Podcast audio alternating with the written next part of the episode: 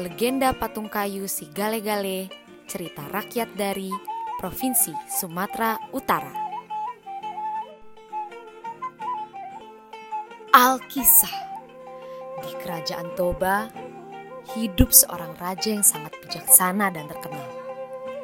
Raja itu bernama Raja Rahat. Dia hanya memiliki seorang anak kesayangan bernama Manggale. Ia sangat bangga pada putra semata wayangnya itu. Karena bocah itu tumbuh menjadi pemuda yang sehat, tampan, pemberani, dan hormat kepada orang tua.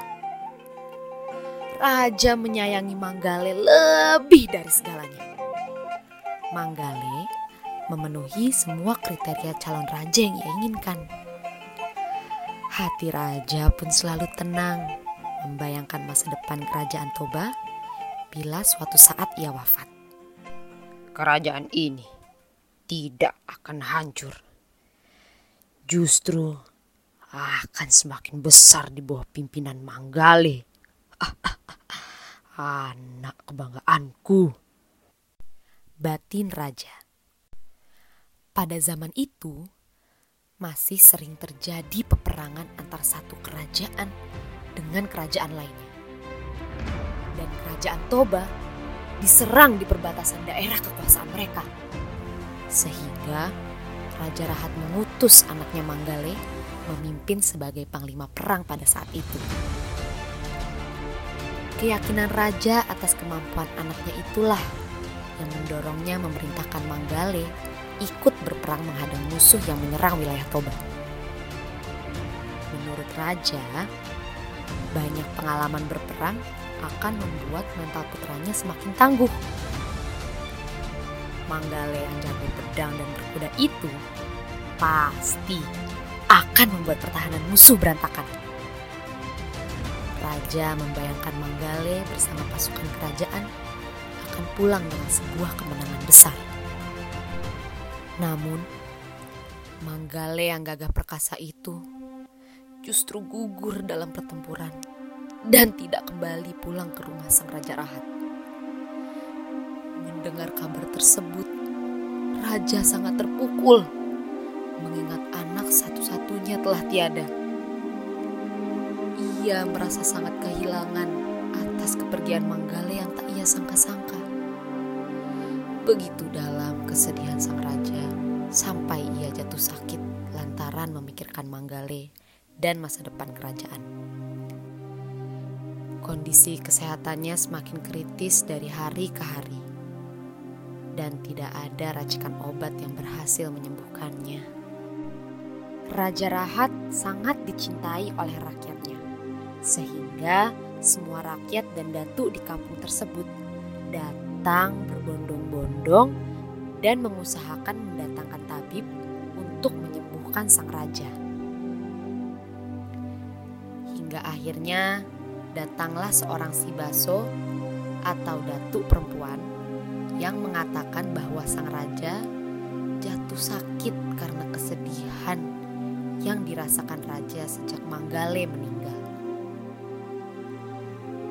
Kemudian Sibaso menyarankan kepada penasehat kerajaan agar dipahatlah sebuah kayu menjadi patung yang menyerupai anak raja yaitu Manggale.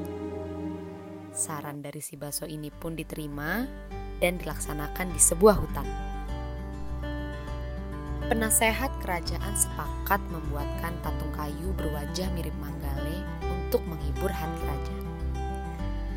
Pemahat-pemahat terbaik dikumpulkan di hutan itu. Mereka bekerja keras memahat sebuah kayu berbentuk manusia. Agar lebih menyerupai Manggale, ia juga dipakaikan baju tradisional lengkap dengan kain ulos.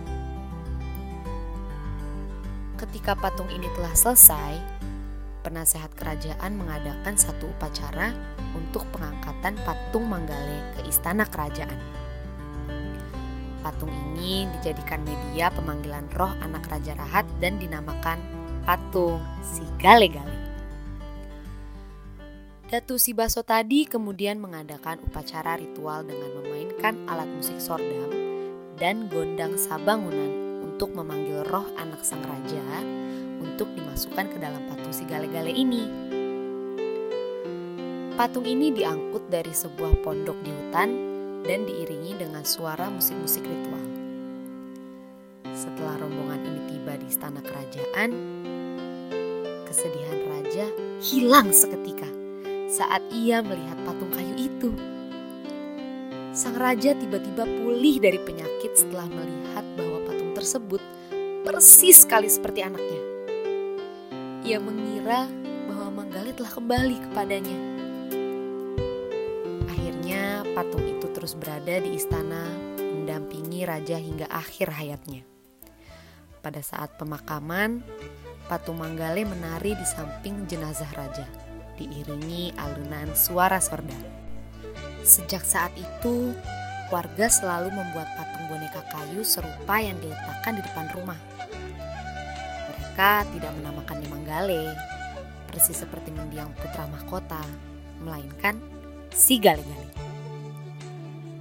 Tarian patung kayu si Gale-Gale kini merupakan salah satu kesenian tradisional Toba yang sangat terkenal.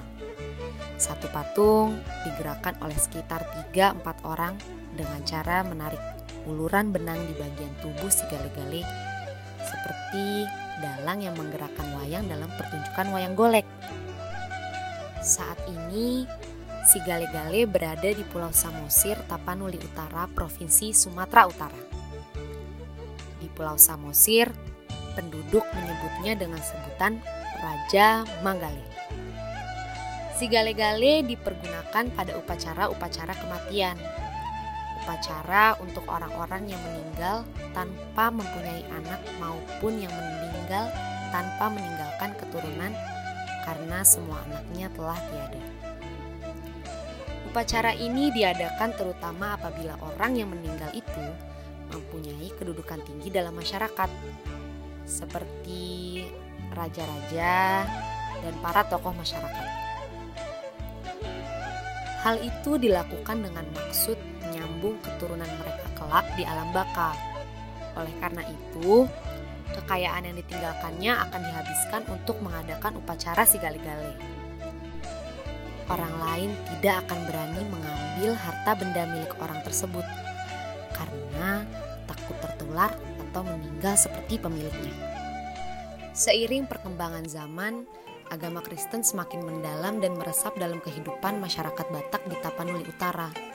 Upacara si gale-gale mulai ditinggalkan. Menurut pandangan mereka, upacara ini dianggap sebagai upacara keagamaan Parbegu atau roh dari orang yang sudah meninggal. Sehingga saat ini si gale-gale hanya dijadikan pertunjukan tarian patung kayu di Pulau Samosir untuk menghibur wisatawan yang datang ke pulau itu.